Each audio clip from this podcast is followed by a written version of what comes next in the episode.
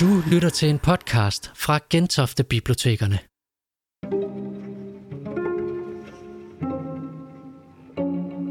Tirsdag den 17. november besøgte Andreas Hoff Gentofte Hovedbibliotek.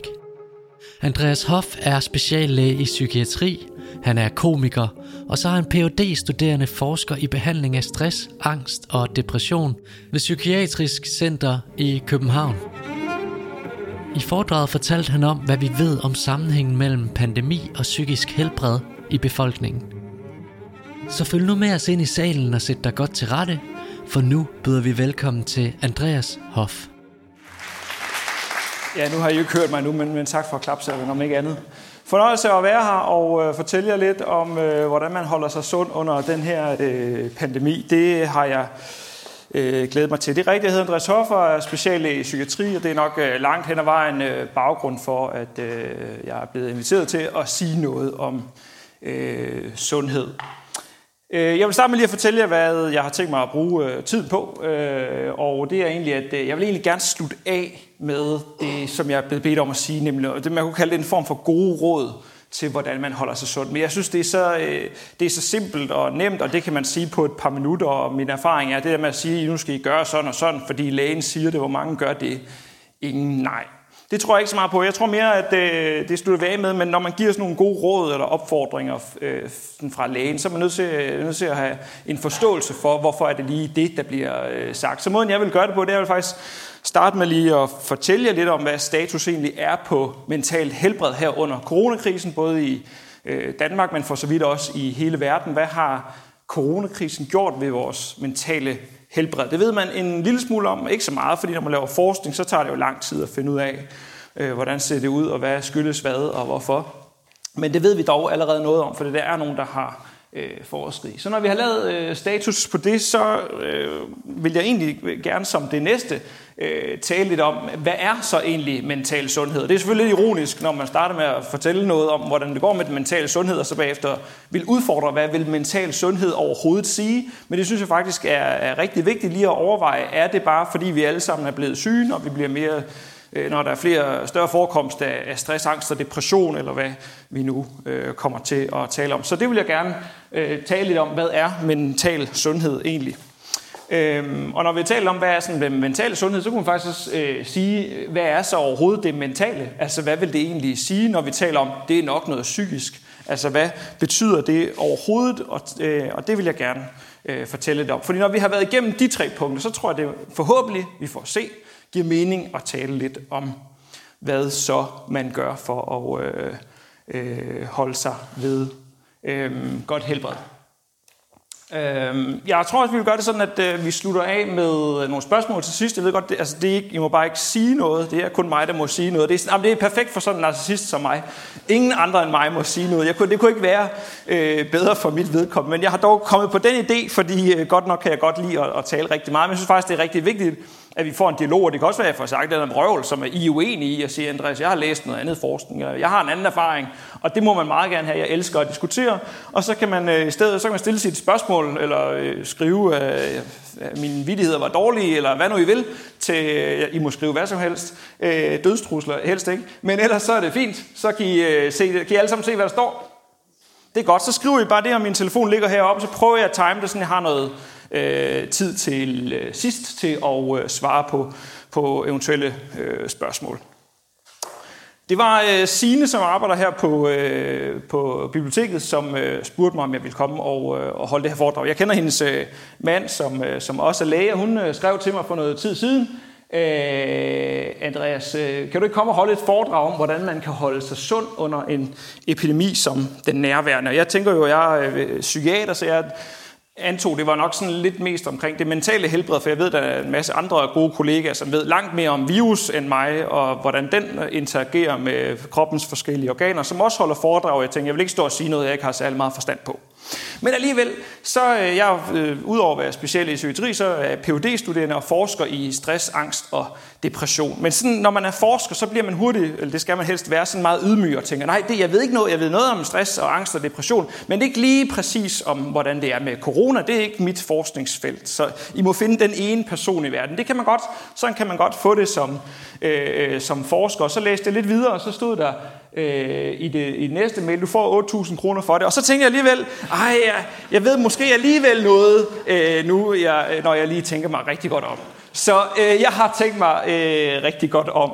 Og jeg vil gerne øh, starte med at sige, at øh, og grund til, at jeg selvfølgelig også tror, at jeg nogle gange bliver inviteret til at sige noget, det er, fordi jeg har sådan en hobby med at og øh, lave stand-up comedy. Og der er mange, der synes, det er lidt en, en mærkelig kombination at være både øh, komiker og læge. Og der er mange, der synes, de to ting, det kan man da ikke kombinere. Det der noget mærkeligt noget. Jeg ved, jeg ved ikke, om, øh, om I har det sådan. Hvis der sidder nogen inde og tænker, Andreas, det er sådan lidt for mærkeligt kombi at være både komiker øh, og, og læge, så vil jeg bare lige minde jer om, at på et tidspunkt så har den danske befolkning altså godkendt, at man kunne gå fra at være kuglestøder til medlem af Folketinget. Så jeg håber, at det også er okay, at jeg kombinerer de her to ting. Er det okay? Jeg ved, må de gerne klappe, hvis jeg spørger om noget af det? Det må jeg godt. Prøv lige, er det, hvis det er okay, så prøv lige at klappe. Jeg I hører, hvor I er. Der er to. Ah, det er godt. Uh! Det er godt, for ellers skulle jeg finde på noget andet at sige de næste 65 minutter.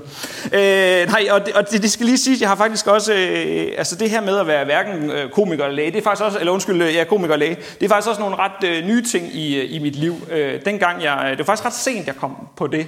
Øh, hele min tid i gymnasiet, der ville jeg faktisk være jægerpilot. Det kan man sige, det er også lidt noget andet, så endte jeg som, som læge, men sådan er det. Øh, men, men grund til det, det var, at øh, jeg ville øh, gerne være jægerpilot gennem hele gymnasiet. Det var vildt det, jeg ville, så da jeg var færdig med gymnasiet, så blev jeg indkaldt til session. Det gør man, når man er færdig med, med gymnasiet, og så øh, gik jeg til session i håb om, at nu vil jeg blive udvalgt til at komme ind i militæret, så jeg kunne blive læge. Og øh, så kom man jo op og møder en læge øh, til session. Og, øh, og han siger så, øh, den der øh, læge her, øh, så siger han så til mig, øh, Andreas, øh, tag lige bukserne af, jeg skal undersøge dig for neden. Og, og det tænker jeg, det giver, for mig gav det, god, det gav god mening. Altså jeg var 18 år gammel, jeg vidste ikke noget om medicin dengang, jeg vidste bare, at jeg skulle være, være jægerpilot, så jeg tænkte, han skal sikkert, altså man skal sikkert for at blive jægerpilot have nogle ordentlige kahongas, ikke? Altså det, det, nå, det kunne jeg godt sætte mig ind i, så jeg øh, tager bukserne af, og så, øh, så stikker han så hånden ned i testiklerne på mig, Øh, og så siger han, eller, eller ikke ned i testikler, ned i bukserne. Øh, nej, det, det er ikke sådan, man undersøger testikler. Nej, han stikker så øh, hånden ned i, i mine bukser og undersøger så øh, mine testikler. Og, øh, og da han så har gjort det i sådan øh, 20-30 minutters tid, så, jeg ved ikke, sådan føles det i hvert fald, når man er 18 år gammel, og der er en gammel 60-årig læge der. Nå, men, men øh, så stikker han så hånden øh, ned øh, og, og, og, og mærker. Og, øh, så, så spørger han mig om noget. Han, han, han så mærker, så siger han så, øh, så, siger han så øh, Andreas, øh, har du godt lagt mærke til, at de ikke er lige store? Og, og, og det vil jeg sige, det havde jeg da godt øh, dengang lagt mærke til. Altså det var ikke, øh, det havde jeg da godt set, jeg var 18 år gammel, det, det havde jeg da sådan en, en vis fornemmelse af. Den ene var større end den anden. Jeg ved, det, det mindes lidt om, når man kom gående. Jeg kender de der vogne i Føtex, der sådan slæber til den ene side. Sådan, sådan var det også for mig. Så, det, så ja, det måtte jeg sige til ham. Men jeg kunne sådan høre måden, han, han spurgte på, at det her, det var et, et, øh, det var godt høre, det var et, et problem. Øh, og så tænkte jeg selvfølgelig, at det var den ene, øh, øh hvad det hedder i ental, nos. Jeg, ved, det var den, jeg havde tænkt, ah, satans også, den ene var, var for lille. Øh, men så viste det sig så, at den, den, altså, han kasserede mig. Jeg kunne ikke øh, komme ind i, i militæret. Men det var ikke, fordi den ene var for lille, det var, fordi den anden var for stor. Og det, det undrede jeg mig over som, som 18-årig gammel. Altså det, det, var, det kom bag på mig, at man kan have for store nosser til det danske militær. Øh, og øh, så blev jeg så øh, læge i stedet for. Noget skulle man jo finde på. Og det er så lidt min baggrund for at være her og tale om øh, mental sundhed under øh, corona i dag. Coronaepidemien er jo som sagt en, en ganske ny ting. Altså vi ved jo ikke så meget om øh, det nu. Altså andre ting øh, kraft, blodpropper, det har jo øh, været omkring i århundreder, eller i hvert fald lang tid, så det har vi forsket rigtig meget i, og så det er helt nyt. Så, så når jeg står som skal fortælle noget som forsker, så må man sige, at det er ret ny forskning. Der er mange ting, vi ikke ved, og jeg skal prøve at præsentere noget øh, for jer at det, vi øh, ved. Det startede jo, for, som vi alle sammen ved, for noget tid siden. Dronning Margrethe siger at undgå øh, fysisk kontakt, og så er der fuldt en øh, endeløs øh, strøm af Øh, pressemeddelelser om, hvor slemt det stod til i, i Danmark og, øh, og hele verden. Og det påvirker selvfølgelig fysisk øh, øh, mennesker rigtig hårdt. Man skal, vi skal alle sammen øh, lægge vores liv om, måtte ikke se lige så mange mennesker, mange skulle arbejde hjemme og så videre. Så det var noget lort, som man også kan se i den her øh, tegnsprogstolken. Det er åbenbart sådan på tegnsprog. Corona, det er noget lort. Og så får det den der Øh, så det er selvfølgelig hårdt. Følger man med på de sociale medier, så må man også læse om mange mærkelige overskrifter. Jeg kan godt lide øh, BT og Ekstrabladet. De, har, de prøver virkelig, og det man kalder journalistisk skarpvinkle alt om øh, alt, om, alt om coronakrisen, og blandt andet så kunne jeg godt lide den her øh, overskrift, BTFR, alle skal aflives.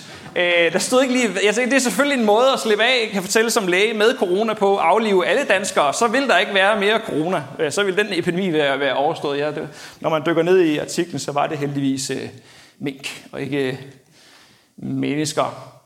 Nå, men øh, del 1. Hvad er status for øh, helbred i den her øh, coronatid? Jeg har øh, i forbindelse med det her kigget øh, den videnskabelige litteratur igennem og fundet ud af, hvad har man ligesom øh, undersøgt. Og når man sådan slår op i de videnskabelige databaser og søger på corona og mental sundhed, så kommer der, så vælter der, altså der er allerede skrevet 4.000 videnskabelige artikler, der indeholder noget med covid-19. Så det er rigtig meget. Så jeg tænkte sådan, hold da kæft, jeg skal læse meget igennem. Ikke? Men så viste det sig faktisk, at kun to af de her studier faktisk undersøger det mentale helbred hos folk, der er blevet ramt af corona. Øh, så det har man ikke øh, gået så meget op i nu. Ah, okay, to, og så er der også kommet et par stykker mere. Sådan en lille håndfuld ud af de her mange 4.000 artikler, der nævner corona, handler faktisk om, øh, om øh, hvordan det går helbredsmæssigt, psykisk med folk, der rent faktisk bliver ramt af corona. Så er der en masse studier, der viser, hvordan befolkningen, der lever i et pandemisamfund, har det. Men lad os se lidt på, hvordan det ser ud. Øh, for det første så har man så som sagt undersøgt, hvordan er ens psykiske helbred, efter man har fået øh, covid-19. Og der kan man se, at øh, fra man får konstateret corona, og så i tiden efter, så er man sammenlignet med, hvis man havde fået, så er man sammenlignet med forskellige andre sygdomme, de har sammenlignet med, hvordan med almindelig influenza, de har sammenlignet med, hvad sker der, hvis man brækker benet, hvad sker der, hvis man får gallesten. De har undervist, eller sådan sammenlignet med en del forskellige sygdomme, og der kan de se, at risikoen for at få en psykiatrisk diagnose efterfølgende, altså få en psykisk lidelse og få den konstateret, den er cirka dobbelt så stor. Så det vil sige, det er altså en såkaldt risikofaktor for at få dårligt psykisk helbred, fordi det at få en psykiatrisk diagnose er sådan et ret kraftigt øh, øh, tegn på, at man har fået dårligt psykisk helbred. Så det er altså øh, cirka dobbelt så slemt som øh, alle mulige andre sygdomme, man også kunne, kunne forestille sig. Så det gør et eller andet, udover selve det, virus gør ved luftvejene og øh, alle mulige andre organsystemer, som virus også rammer, så gør det helt klart også noget ved øh, det psykiske øh, helbred. Så er det også sådan, at så kan man se, at dem, der så i forvejen, dengang Øh, pandemien kom, dem, der i forvejen havde en psykisk lidelse, de fik, de fik flere symptomer på deres sygdom, altså den, de havde i forvejen. Det har man blandt andet undersøgt med, fandt en enkelt undersøgelse, der har undersøgt øh, mennesker, der lider af spiseforstyrrelse.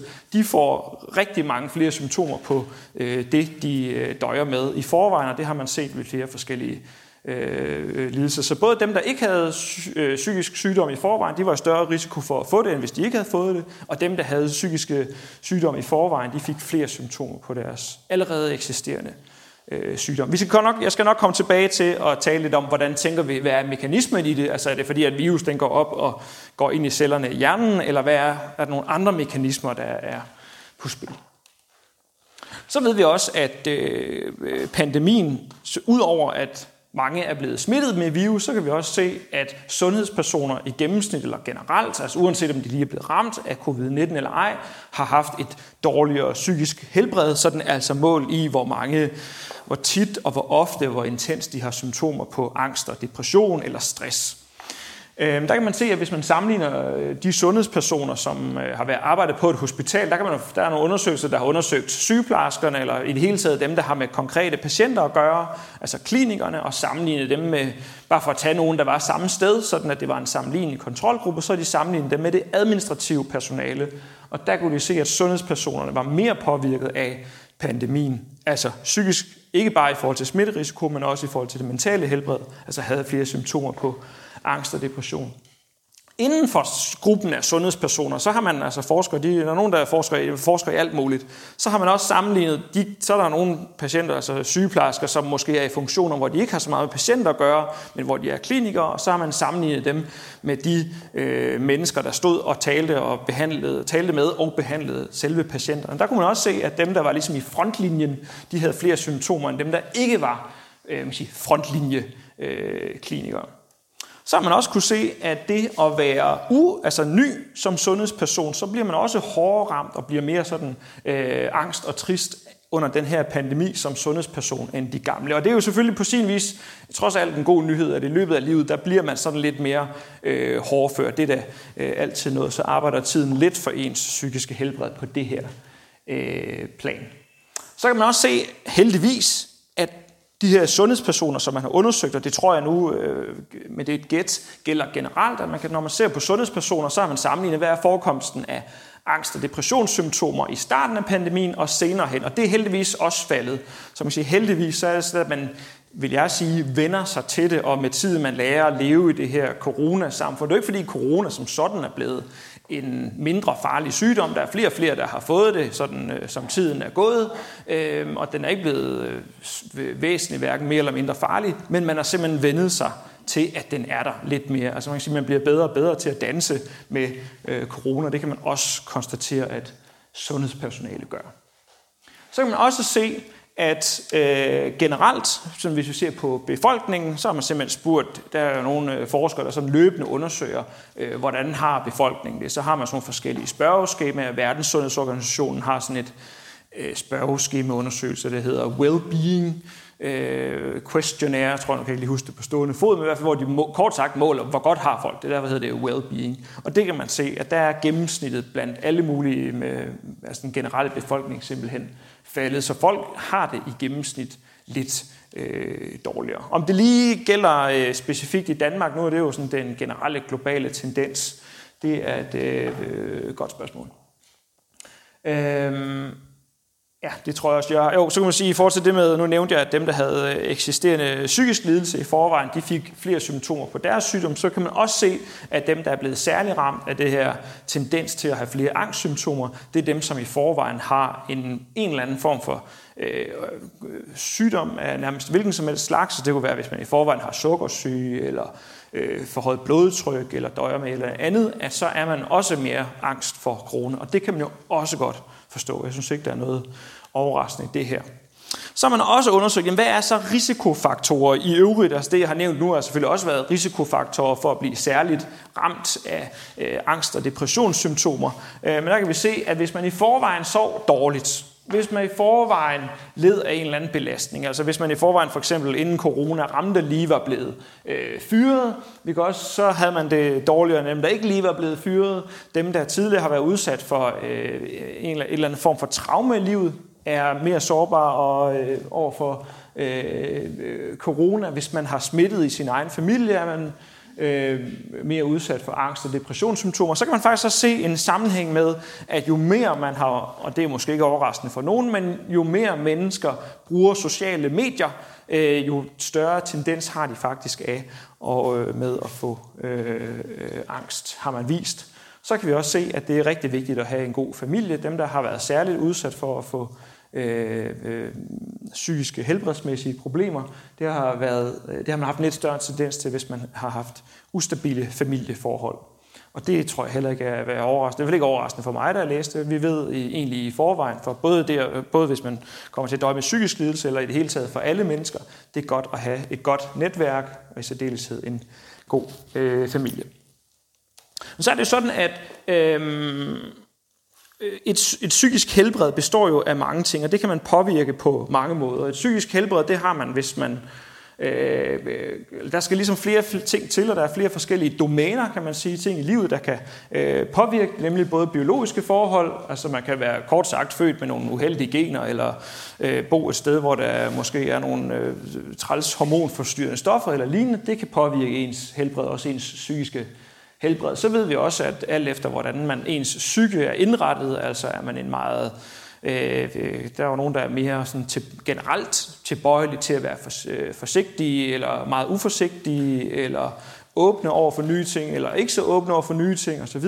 Og det kan også være med til at påvirke ens helbred. Så kan de sociale forhold også, som vi lige sagde, altså uanset om hvordan ens biologi er, og hvordan ens psyke er, så hvis der, man bliver ramt af noget socialt, eller oplever nogle belastende sociale forhold, så kan det påvirke ens øh, psykiske øh, helbred. Så det ikke går så meget op i, fordi det er ikke så meget lige øh, mit speciale. Dem, der går op i de biologiske forhold ved corona, det er jo sådan infektionsmediciner, altså virologerne, øh, og dem, der har arbejder på Statens øh, Serum Institut, altså Allan Randrup, som var her i går eller sidste uge, i går var det, og øh, Kåre Mølbak og folk, som øh, I, kender, de har meget at gøre med øh, det biologiske, så det tænker jeg, at de har fortalt noget om. Jeg vil dog lige nævne en enkelt ting, for jeg kommer til at diskutere det med, med nogle komikere og kollegaer. Så jeg, bare lige for at vide, hvordan, jeg kan lige give et eksempel på, hvordan jeg har været i berøring med det. Det er jo sådan, at øh, vi har sådan nogle øh, lukkede grupper på Facebook for komikere, hvor vi sådan prøver at planlægge, hvem skal sige noget sjovt hvorhen. Og så var der det her opslag, nu er jeg selvfølgelig anonymiseret øh, som den læge, jeg er, overholder tavshedspligten, bortset fra at indsætte det her, så er der en, der skriver, ja, bla bla bla. I hvert fald det korte og lange, det er, at man var bange for, at der i komikermiljøet florerede øh, corona, så han skrev til alle, husk, øh, hvis I har bestilt en, øh, en test, øh, fordi det er en god idé, for det kan være, at I har det, men det er noget, der tyder på, at jeg har falsk alarm, fordi nu har han også fået en negativ test. Det korte og lange, det var, at han opfordrede til at blive testet, øh, hvis man var komiker og havde været til en øh, social sammenkomst med øh, komikere.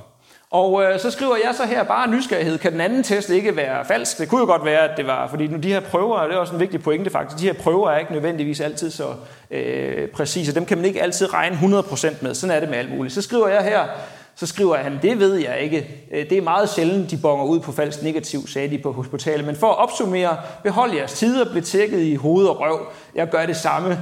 Og så er der en af mine komikerkollegaer, der spørger, kan man få corona i røven? Og, og så er jeg jo læge, jeg sidder også derinde som komiker på den der gruppe der, og tænker, jeg er også læge. Så det jeg ligesom bidrager med, det er noget lægeligt. Og så havde jeg lige fået et ny ugeskrift for læger ind ad døren. Og øh, der stod der nemlig øh, noget om det, så det bidrager jeg selvfølgelig med og skriver, at ingen organer går fri. Øh, teknisk set. Så jeg skrev til dem heller ikke røvorganet. Det hedder det ikke rent lægeligt, men det giver det. Det er det, vi kalder det i komikerkredse. Og det var det, jeg ville sige om biologi som det eneste, så kort sagt ikke rigtig noget. Men jeg synes selv, det var sjovt. Øh, nu går jeg til øh, del 2, der handler om, øh, hvad mental sundhed egentlig øh, er. Og det kunne man gøre på flere forskellige måder. Man kunne gennemgå sådan tænker jeg, nogle forskellige definitioner af, hvad mental øh, sundhed er. Men det synes jeg er lidt øh, kedeligt, så jeg vil hellere prøve at perspektivere det på en række måder, og prøve at vise, hvordan den øh, mentale sundhed, vi har, den også kan afhænge af for eksempel kulturelle øh, sammenhænge. Øh, jeg vil prøve at nævne, jeg vil egentlig starte med lige at fortælle en, øh, en personlig historie, fordi øh, jeg, har, jeg kan huske en gang i mit liv, jeg selv havde nogle øh, stresssymptomer. Og øh, det var en gang, hvor øh, jeg, jeg kom for skade og, og stille op i politik til øh, regionsrådsvalget i 2016. Øh, øh, jeg, jeg tænkte, jeg, jeg, jeg kunne godt lide at lave det sådan lidt, jeg synes jeg selv, sjovt, så jeg lavede sådan nogle ølkapsler som øh, valgmateriale med sloganet, øh, alle regioner kan trænge til en hof. Øh, jeg synes selv, det var sjovt i hvert fald. Jeg ved ikke, om, om, øh, om vælgerne gjorde. Øh, men men øh, det, der skete for mig, og som gjorde, jeg endte med at øh, få nogle øh, stresssymptomer, det var, at øh, det foregik sådan, at øh, Socialdemokratiet de, øh, de ringede til mig tilbage i øh, 2016.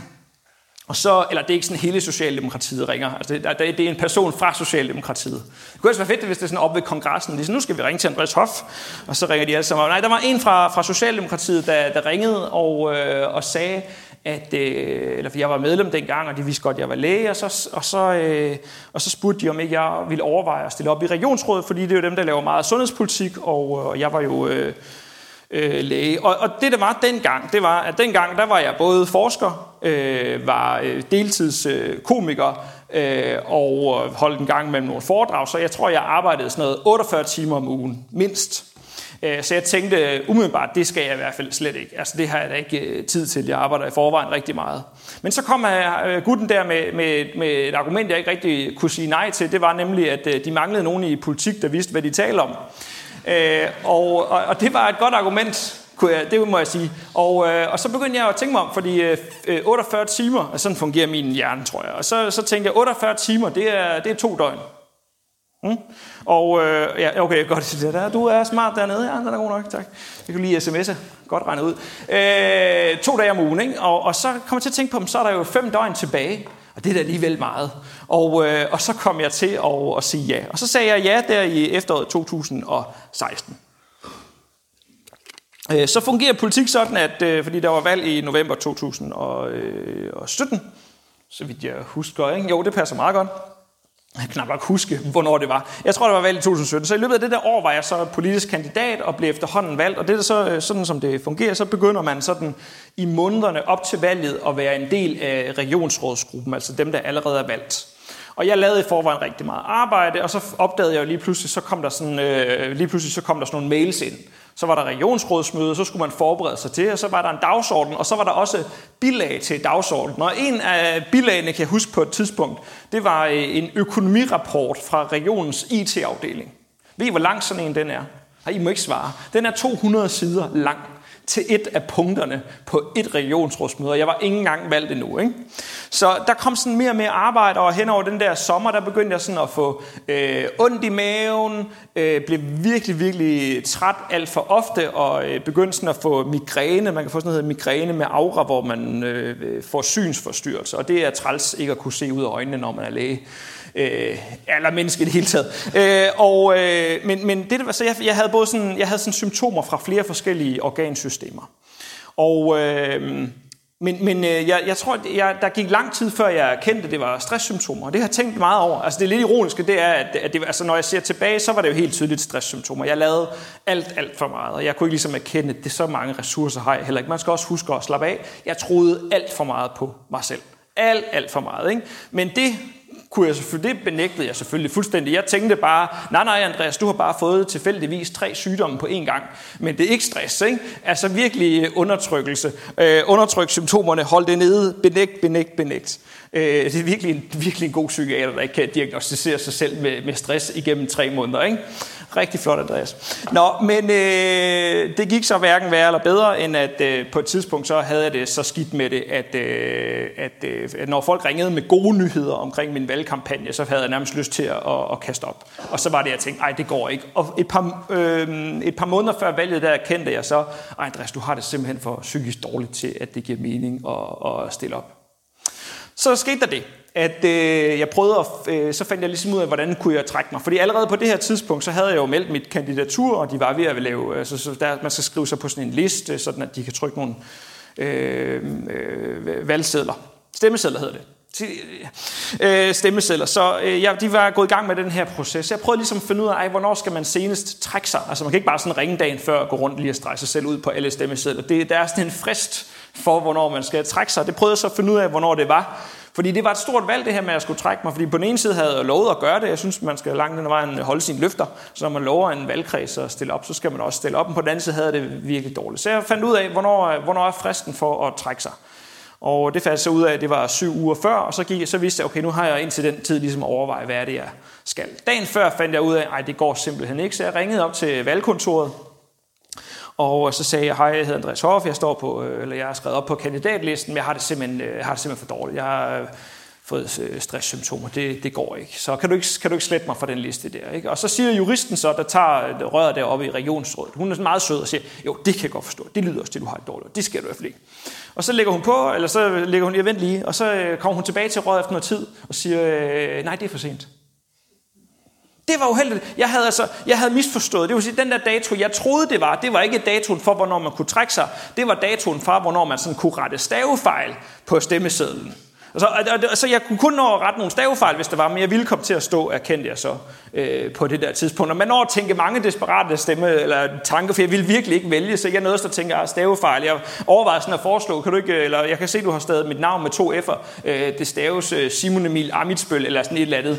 Øh, men det ville nok også være lidt forkert. Så, øh, så jeg måtte erkende, at jeg kom til at stå på den her stemmeseddel, selvom det var alt for meget for mig og mit eget psykiske øh, helbred. Så jeg måtte gå der og vente i, i seks uger øh, med de her symptomer, og havde det virkelig dårligt, og øh, sådan håbede på, at jeg ikke blev valgt. Det, jeg, man, når, øh, man når at tænke mange desperate tanker, når man sådan har de her øh, stresssymptomer. Jeg ved, det er måske nogen af jer kender det, men, men jeg når sådan ligger til, ah, hvordan kan jeg komme ud af det her? Fordi hvad nu hvis jeg bliver valgt? Det vil jo være en katastrofe. Man kan ikke bare melde fra, det skal regionsrådet faktisk godkende, øh, at man gerne vil øh, sygemeldes på forhånd, og det er også uheldigt. Så jeg overvejer sådan, jeg overvejede, hvad jeg skulle gøre for ikke at blive valgt. Altså, det er en mærkelig situation at, at stå i. Jeg havde sådan overvejet på et tidspunkt, om jeg skulle hænge sådan nogle plakater op, hvor der stod, at man ikke skulle stemme på mig. Øh, jeg, havde sådan, jeg nåede på et tidspunkt at, at overveje, om jeg bare kunne øh, lave sådan en fake valgkampagne, eller sådan en anti-valgkamp, simpelthen, hvor der sådan står, øh, lad være med at stemme på Andreas Hoff, eller sådan det, det går jo ikke. Eller måske sådan nogle virkelig usympatiske budskaber, altså som jeg ikke selv kunne stå indenfor, men bare for eksempel sådan noget med, øh, stem på Andreas Hoff, øh, psykiateren, der ikke mener, der findes psykisk lidelse, bare folk, der skal tage sig sammen. Altså det mener jeg slet ikke, men, men bare for at være sikker på, at ingen kunne stemme på en så usympatisk mand. Øh, men, men det gjorde jeg selvfølgelig ikke, det kunne jeg ikke øh, finde på. Det gik også op for mig, at hvis jeg hang sådan nogle valgplakater op, så ville jeg sikkert også bare få 3.000 stemmer fra Liberal Alliance-segmentet. Øh, jeg var lidt spændt på, om man gerne må lave den joke i Hellerup, men det må man godt. Dejligt. Øh, så det var min egen historie, og jeg blev øh, heldigvis øh, ikke valgt ind, og øh, så slap jeg for det, så kunne jeg rende rundt og være læge og holde foredrag i stedet for. Det kan jeg meget bedre lide.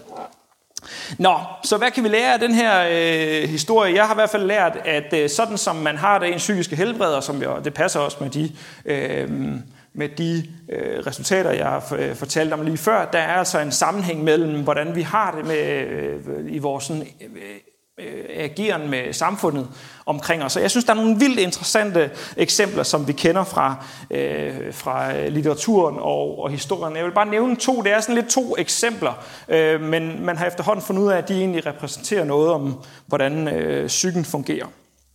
Øh, og det er faktisk lidt nogle alvorlige emner, men, men jeg synes, de er så interessante og siger noget omkring, hvordan øh, mennesker hænger sammen med det samfund, vi er en del af.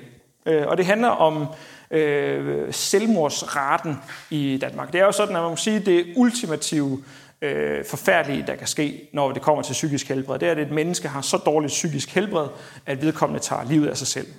Det er der øh, heldigvis jo øh, nu kun halvt så mange i Danmark, der gør årligt som i 80'erne, men der er stadigvæk alt, alt for mange. Altså jeg tror, i år er der, altså der er faktisk lige så mange, der er død af selvmord, som der er død af corona i Danmark, eller død med corona. Altså det er egentlig ret vildt at tænke på, hvor, meget, hvor store dele af samfundets økonomi, vi har brugt på at bekæmpe noget, som hvert år går ud over øh, de her øh, mennesker og øh, deres øh, familier. Så det er sådan noget øh, virkelig alvorligt. Og øh, øh, det er interessant at se på, øh, selvfølgelig forfærdeligt, men, men jeg synes, det siger noget om, øh, hvordan psykisk helbred fungerer, og ved at se på, hvad, hvad påvirker øh, raten af selvmord. Vi skal se på en, øh, et øh, fænomen fra øh, Tyskland, hvor der blev lavet øh, på øh, tysk svar på DR, tror jeg, ZDF, det var sådan en landstækkende tysk tv-kanal, der kørte der tilbage i forrige århundrede en serie, der hed øh, Tod eines øh, Schülers, øh, jeg tror den på, på engelsk hedder det studentens, eller øh, Death of a Student, som var en, øh, en serie, der kørte over nogle gange, men hver gang så så man ham begå selvmord, så handlede den om forskellige øh, aspekter af det her. Den her serie, den er blevet vist øh, to gange i tysk historie. Og når man kigger tilbage på, hvor mange der begik selvmord i de måneder, den blev sendt, så kan man se, og det kan man regne på, så sætter der statistikere ned og, og, og regner på, hvordan det ser ud, og det er lige før jeg kan tegne det, men man kan, sådan, eller jeg kan også bare vise det i luften, at den retten ligger sådan og svinger lidt op og ned, som den plejer at gøre, så hver gang den der var blevet sendt, så kunne man se i måneden efter, så var der væsentligt flere, der begik selvmord. Så faldt det tilbage, og der, det lærte man så første gang, og så var der selvfølgelig nogle tyske forskere, der bemærkede det her og sagde til ZDF, den skal aldrig sendes igen. Hvad gjorde ZDF nogle år senere? De tænkte, vi prøver skulle lige igen. Og hvad skete der? Akkurat det samme. Lige efter, helt samme mønster, så øh, begik endnu flere øh, øh, folk selvmord. Så, så kort sagt er der altså en sammenhæng mellem, hvad vi bliver øh, påvirket af. Desværre så så man det øh, noget tid senere. Der var i 2011 en øh, meget øh, kendt og folkekær fodboldspiller, Robert Enke, øh, i Tyskland, der også tog sit eget liv. Og hans begravelse blev tv-transmitteret på det her øh, stadion. Og hvad så man igen? Fuldstændig det samme. I perioden efter den her tv-transmission af hans begravelse, der så man en øh, øgning af selvmordsraten, som man ikke kunne forklare på anden vis, end at det var fordi, man havde øh, hørt om det. Så vores psykiske helbred og det her helt forfærdelige øh, udfald af psykisk helbred. Altså kort sagt var det jo, når, vil jeg gætte på, nogle mennesker, der har det ret dårligt i forvejen, men det kan faktisk skubbe en ud over kanten, det man bliver mødt med i øh, medierne. Og jeg ved også, når Netflix her på det seneste har øh, for nogle år siden vist en serie, der handler om selvmord, så er der også rigtig mange forskere, øh, blandt andet min egen chef, professor Marit Nordentoft, der gør øh, alt, hvad de kan for at prøve at få de her øh, ting øh, trukket tilbage. Fordi vi bliver påvirket af både nære relationer, men også, som vi så før, i forhold til det med familie, men bestemt også, hvad vi ser i øh, tv eller øh, læser i øh, medierne. Så pointen med det her, og jeg har et eksempel mere, det er, at vores psykiske helbred holder, øh, hænger i høj grad øh, sammen med, hvad vi øh, oplever. Vi skal nu se det fra en lidt anden vinkel, nemlig hvad er et andet udtryk for øh, godt helbred. Det er sådan, at hvis man har øh, et godt helbred, så lever man som regel lang tid, og hvis man har et dårligt helbred, så lever man i gennemsnit kort. Og det er sådan blandt forskere anerkendt, at hvis man skal se på, hvor godt helbredet er hos en gruppe af mennesker, så ser man på, hvor lang tid lever de i gennemsnit. Og øh, jeg vil nu prøve at vise, hvordan øh, øh, sammenhængen er mellem, fordi så kan man se tusind forskellige, så kan man jo sammenligne med, hvordan er øh, livslængden i de lande, som har det øh, godt versus skidt, eller de lande, der er på den sydlige halvkugle versus nordlige halvkugle. Det kan man undersøge alle mulige ting, hvordan, det, hvordan hænger det sammen. Og der har forskere så kigget på, hvordan hænger øh, øh gennemsnitslevetiden sammen med indkomsten i et land. Og det hænger ikke overraskende også sammen. Det kan I se, det ser sådan her ud ud af x-aksen, der har vi, hvor mange penge folk i gennemsnit tjener, altså 0, øh, 0.000, det hedder det ikke, det hedder bare 0 0.000 dollars, det er fordi det er 1.000 dollars per befolkningsstørrelse hernede. Det vil sige, at de lande, der ligger længst til venstre, de tjener ikke, der, de er meget fattige, og dem, der ligger længst ude til højre, de er rige. Og sjovt nok, så ligger Norge og øh, USA længst herude, fordi det der gennemsnitsindkomsten per person er, er størst, det, hvad kunne ligge her? Det kunne godt være Dubai eller sådan et eller andet øh, olieland, og så kommer Island og Japan, og Danmark ligger nok også her et sted. Og så længst nede til venstre har vi øh, Cuba og Costa Rica og Mozambique osv. Op ad y-aksen, der har vi så øh, livs, eller gennemsnitslevetiden, det vil sige, hvor lang tid kan man forvente at leve, når man bliver født i gennemsnit.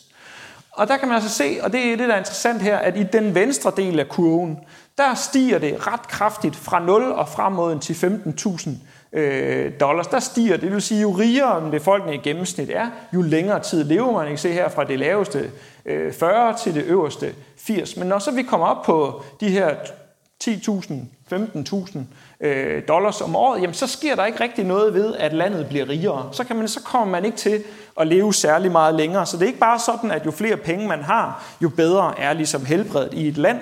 Det er ikke øh, nok i sig selv.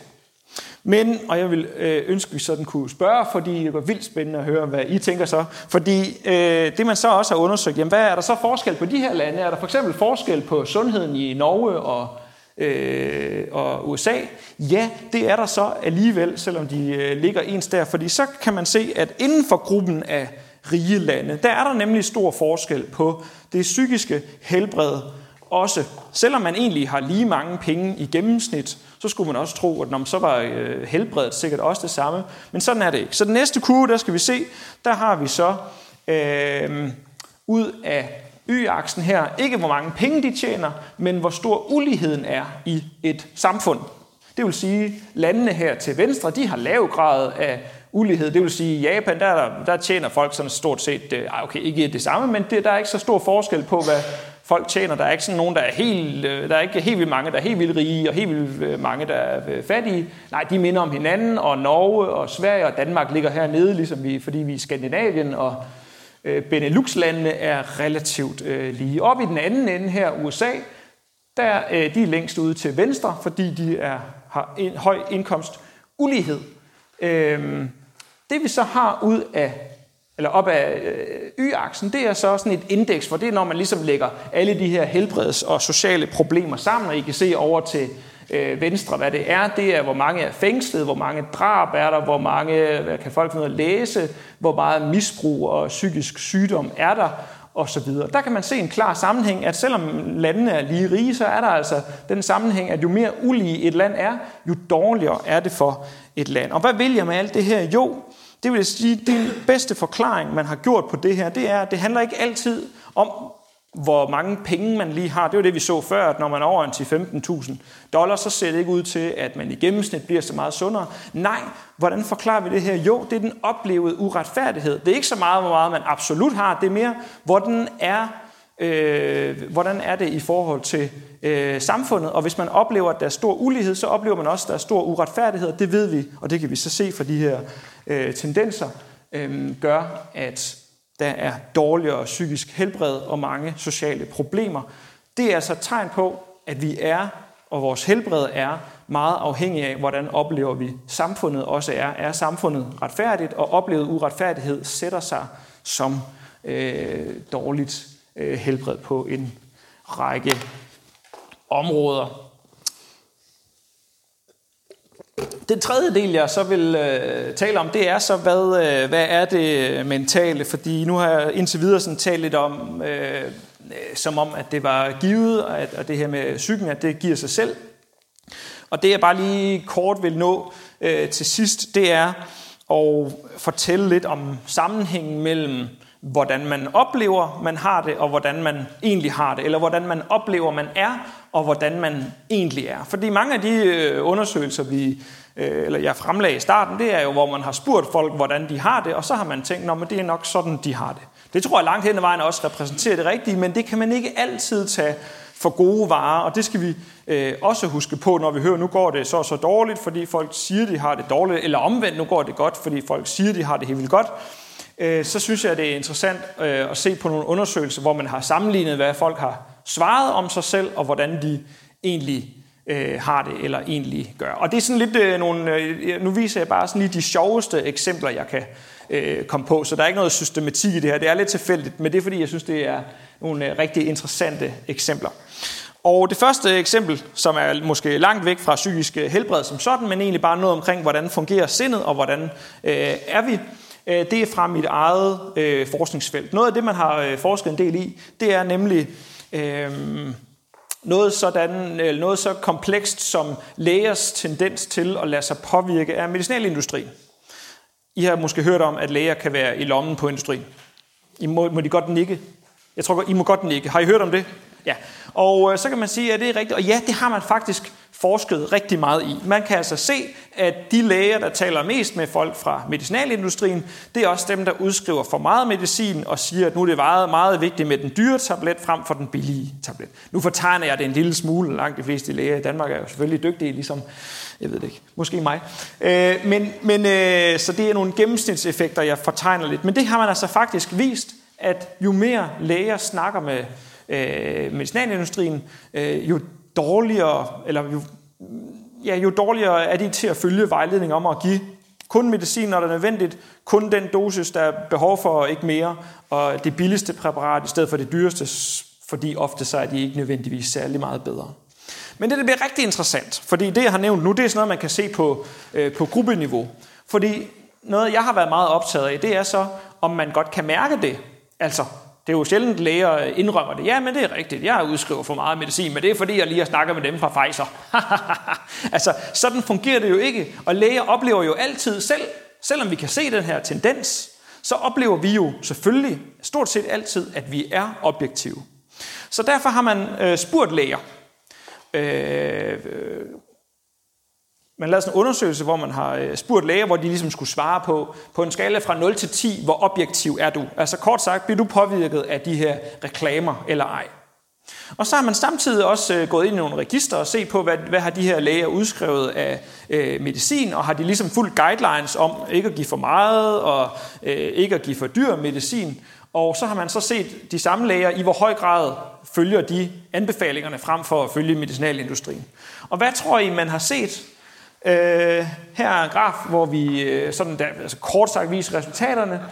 Ud af, det er dem, der oplever, at de ikke er påvirket. Det vil sige, det er dem herude, det er dem, der siger, nej, jeg er over fuldstændig teflon. Jeg tager overhovedet ikke imod. Jeg tager bare imod øh, kage og rejser til Bahamas, men jeg lytter ikke på dem.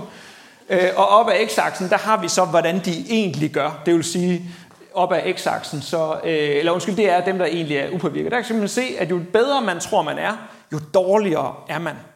Det synes jeg da er vildt interessant. Så hvis man sidder herinde og tænker, at man er helt vildt god øh, og sagtens kan sidde og se reklamerne igennem, fordi man ikke er påvirket af det, så kunne det være, at man skulle overveje, om man skulle lukke sin øh, reklame, øh, eller lade være med at kigge på dem, fordi så er man måske tendens til at falde for meget for det, der står i dem. Jeg tror, at tidsmæssige hensyn, så vil jeg springe det her over. selvom det også er interessant. Så øh, en anden ting, som jeg synes, det er sådan en lille øh, detaljefund, man har gjort sig i, øh, i øh, hjernevidenskaben, øh, som siger noget omkring, at der er helt vildt mange ting, vi er ubevidste omkring. Det er en gammel diskussion. Er der noget, der foregår ubevidst i kroppen øh, og i hjernen? Og ja, selvfølgelig er der det. Men en af de mest, en af de fascinerende ting, jeg godt kan lide at tænke på, det er, eller det man har, fordi man har studeret det, det er øh, øh, nyfødtes, eller relativt, altså babyers evne til at se, hvor øh, andre mennesker kigger hen, altså ofte deres mor, altså hvor kigger de hen, altså det at kunne se, hvis nu øh, moren kigger på en eller anden sjov genstand, så er børn meget relativt hurtigt efter fødslen i stand til at vide præcis, hvor mor eller far øh, kigger hen. Og det interessante er, at hvordan finder man ud af, hvor et menneske kigger hen? Det er faktisk, altså hvis ikke man er født med det instinkt at kunne regne det ud, så er det, det kræver vildt avanceret matematik. Altså man skal bruge en helt ekstremt dyre computer for lige så hurtigt som babyer kan regne ud, hvor øh, mennesker kigger hen, øh, hvis man skal gøre det øh, lige sådan. Det er måden, man skal regne det ud på. Det er nemlig, hvis nu, hvis nu vi, øh, lad os sige, vi ikke øh, var mennesker, men lad os sige, vi var en computer, og skulle prøve at finde ud af, hvor kigger det her ansigt til venstre eller højre. Jeg tror, I alle sammen godt kan regne ud, at hun kigger den vej. Det er jeg ret sikker på. Men hvordan ved I det? Har I tænkt over? Nej, det, fordi det, og det har vi nemlig ikke, fordi vi tænker ikke over, hvordan vi ved det.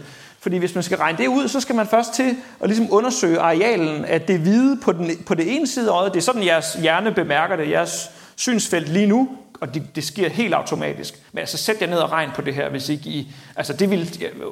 Hvor mange... Jeg vil ikke selv kunne regne ud, ikke? Men det er noget med lige at tage arealet af det her. Det vil sige, så skal man have frem i sin Pythagoras og sin trigonometri, og så skal man regne ud, hvor, hvor stort er det her areal, og så dividerer man de to med hinanden, fordi jo større forhold det er, jo længere til den ene side kigger hun.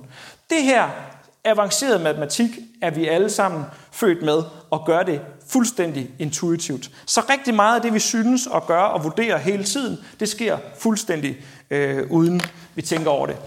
Jeg ved, ikke, hvad jeg, sammen, jeg ved ikke, om det var så stor sammenhæng til det der med læger og medicinalindustri, men jeg synes, det er to gode eksempler på, at mange ting inde i vores sind foregår fuldstændig uden, at vi er opmærksom på det, og, så, øh, og sådan er øh, det mentale. Jeg springer direkte til del 4, som også er lidt et emneskift, nemlig de der øh, gode råd. Fordi det var jo lidt det, jeg var øh, bestilt til, og som jeg sagde i starten, så er det sådan lidt øh, kedeligt. Det er sådan noget med huskediagnostion og sådan noget, øh, og hvor mange gør det. Men alligevel, så vil jeg gerne selvfølgelig slutte af med at sige, øh, at øh, tre ting, nemlig at søvn er vigtigt.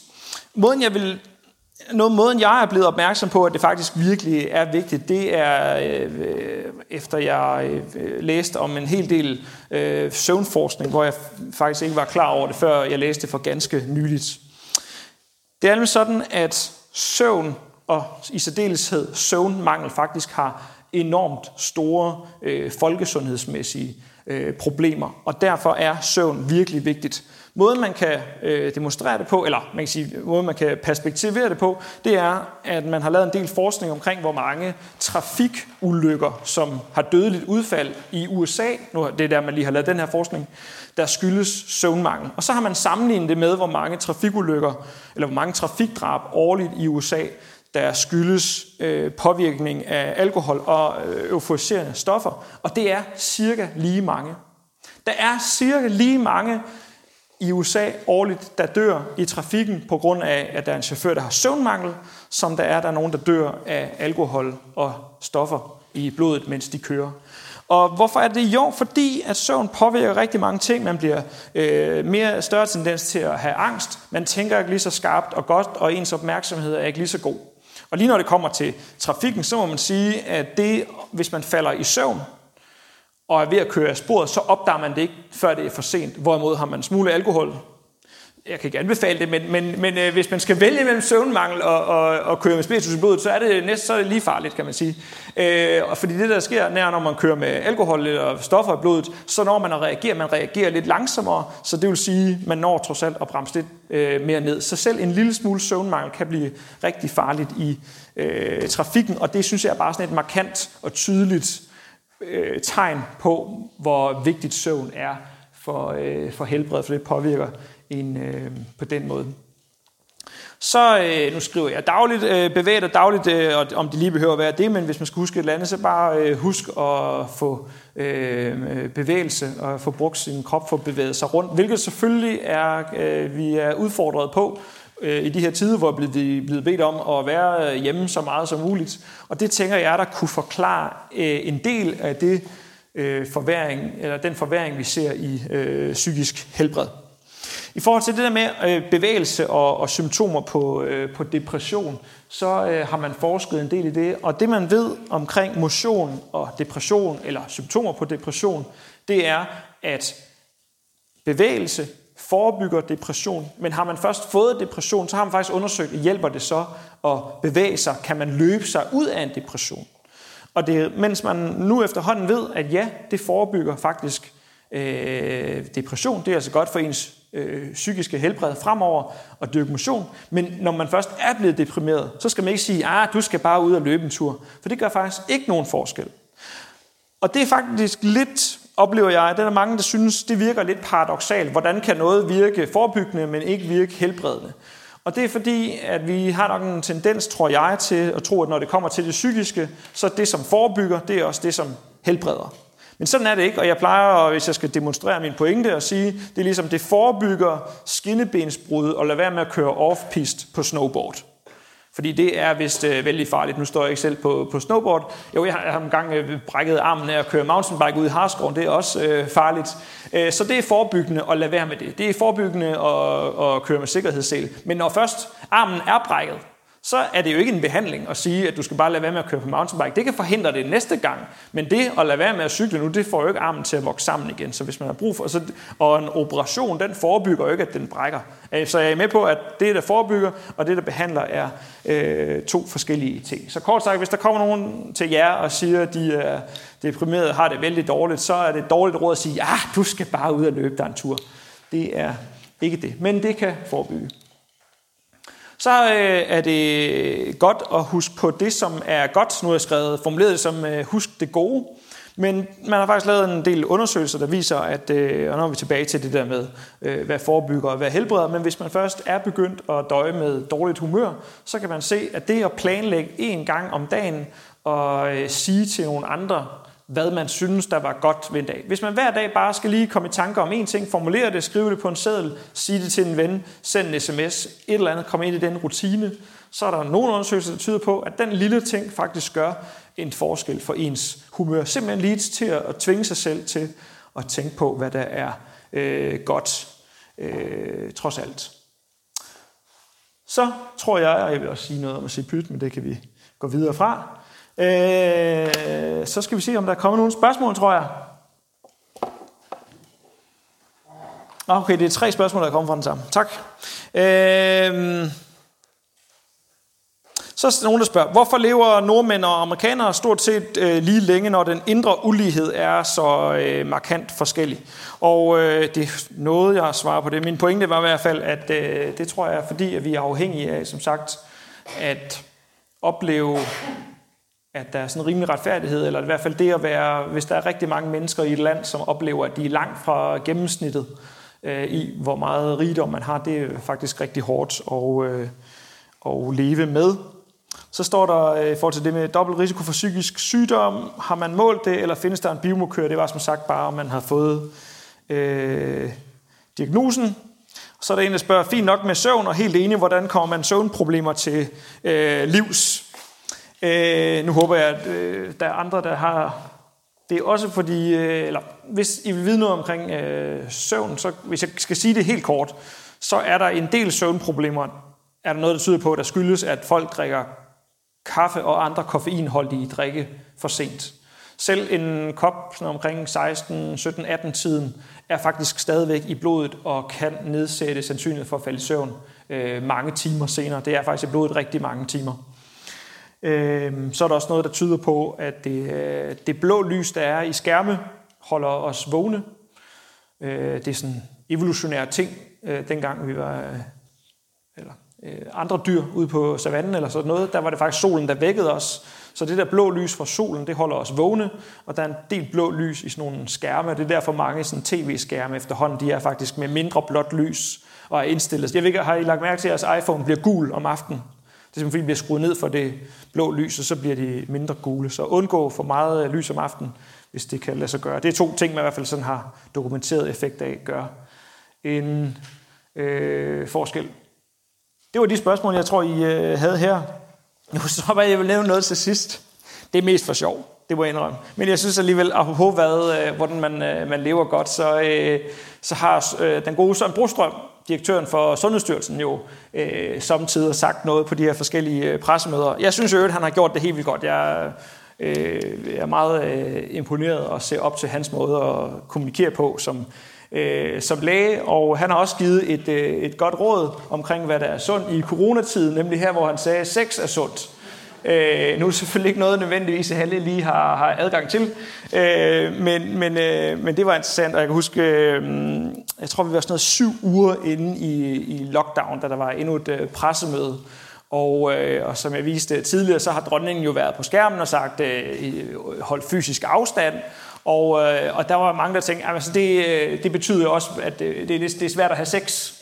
Øh, og det er jo træls, når, sekt, øh, når Søren Brostrøm så siger, at sex er sundt, så, så hvad, hvad gør man? Det er i hvert fald, øh, man skal kunne nogle meget specielle sexstillinger for at holde afstand, mens, mens man har det. Øh, så det, og jeg kan godt lide, at, at vi var syv uger inde i øh, lockdown, da det her pressemøde kommer, og grund til, at han begynder at svare på det, er blandt andet, at der endelig er en journalist fra, fra BT, nej, undskyld, det var fra Ekstrabladet, øh, der, der spurgte Søren Brostrøm, øh, jeg tror, at vi var mange, der havde tænkt det, øh, Søren Brostrøm, må singler stadig gerne have sex? Og, øh, og, og det, så lige da jeg hørte det, jeg sad og fulgte med, så tænkte jeg sådan, nej, det, det, det er et godt spørgsmål, det, det, vil jeg, det vil jeg faktisk virkelig gerne vide, kan jeg huske. Jeg tænkte, og, øh, og så begynder han så at fortælle om, øh, om det der. Og så siger han så, øh, efter han har sagt det her, så siger han så, øh, som svar på spørgsmålet, øh, selvfølgelig må singler stadig gerne have sex. Og, det, og det, øh, der var jeg, jeg synes, han har gjort det godt, men lige det der ord stadig, altså, der havde jeg sådan lidt, det kunne han fandme godt have sagt noget tidligere. Øh, det, det, var, det synes jeg. Og så gik han videre til at øve og sige det næste, nemlig, øh, hvad er det, han skriver? Øh, Sundhedsstyrelsen går ind for sex. Det fik han også sagt. Jeg synes, det, jeg er glad for, at han lige sagt, at det er sundt. Så giver det, jeg synes, så giver det sig selv. Men jeg kan godt lide, at han ligesom er ligesom nødt til at tænke, okay, hvis der alligevel sidder nogen derude og er i tvivl om, hvad Sundhedsstyrelsen synes om sex, så rydder han lige i tvivl af bordet og siger, Sundhedsstyrelsen går ind for sex. Ikke? Og det er også svært at forestille sig det modsatte, at, at Sundhedsstyrelsen skulle lave sådan et oplæg tilbage til Folketinget, sådan tak for jeres forspørgsel om sex. Øh, vi har nu gennemgået litteraturen, og det er ikke særlig sundt. Man kan få alt muligt af det, kønssygdomme og børn og sådan noget. Øh, så de går ind for sex. og så til sidst så, så, så sluttede han også af med at sige, det jeg under mest overvejs, det var, at han så siger, så, så kort sagt for at opsummere, selvfølgelig må singler stadig gerne have sex, øh, så længe de overholder de generelle retningslinjer her under maks 10 af gangen. Øh, og det var alt, hvad jeg havde at sige. Det var en øh, fornøjelse, og tak for jeres øh, spørgsmål. Og kom godt hjem.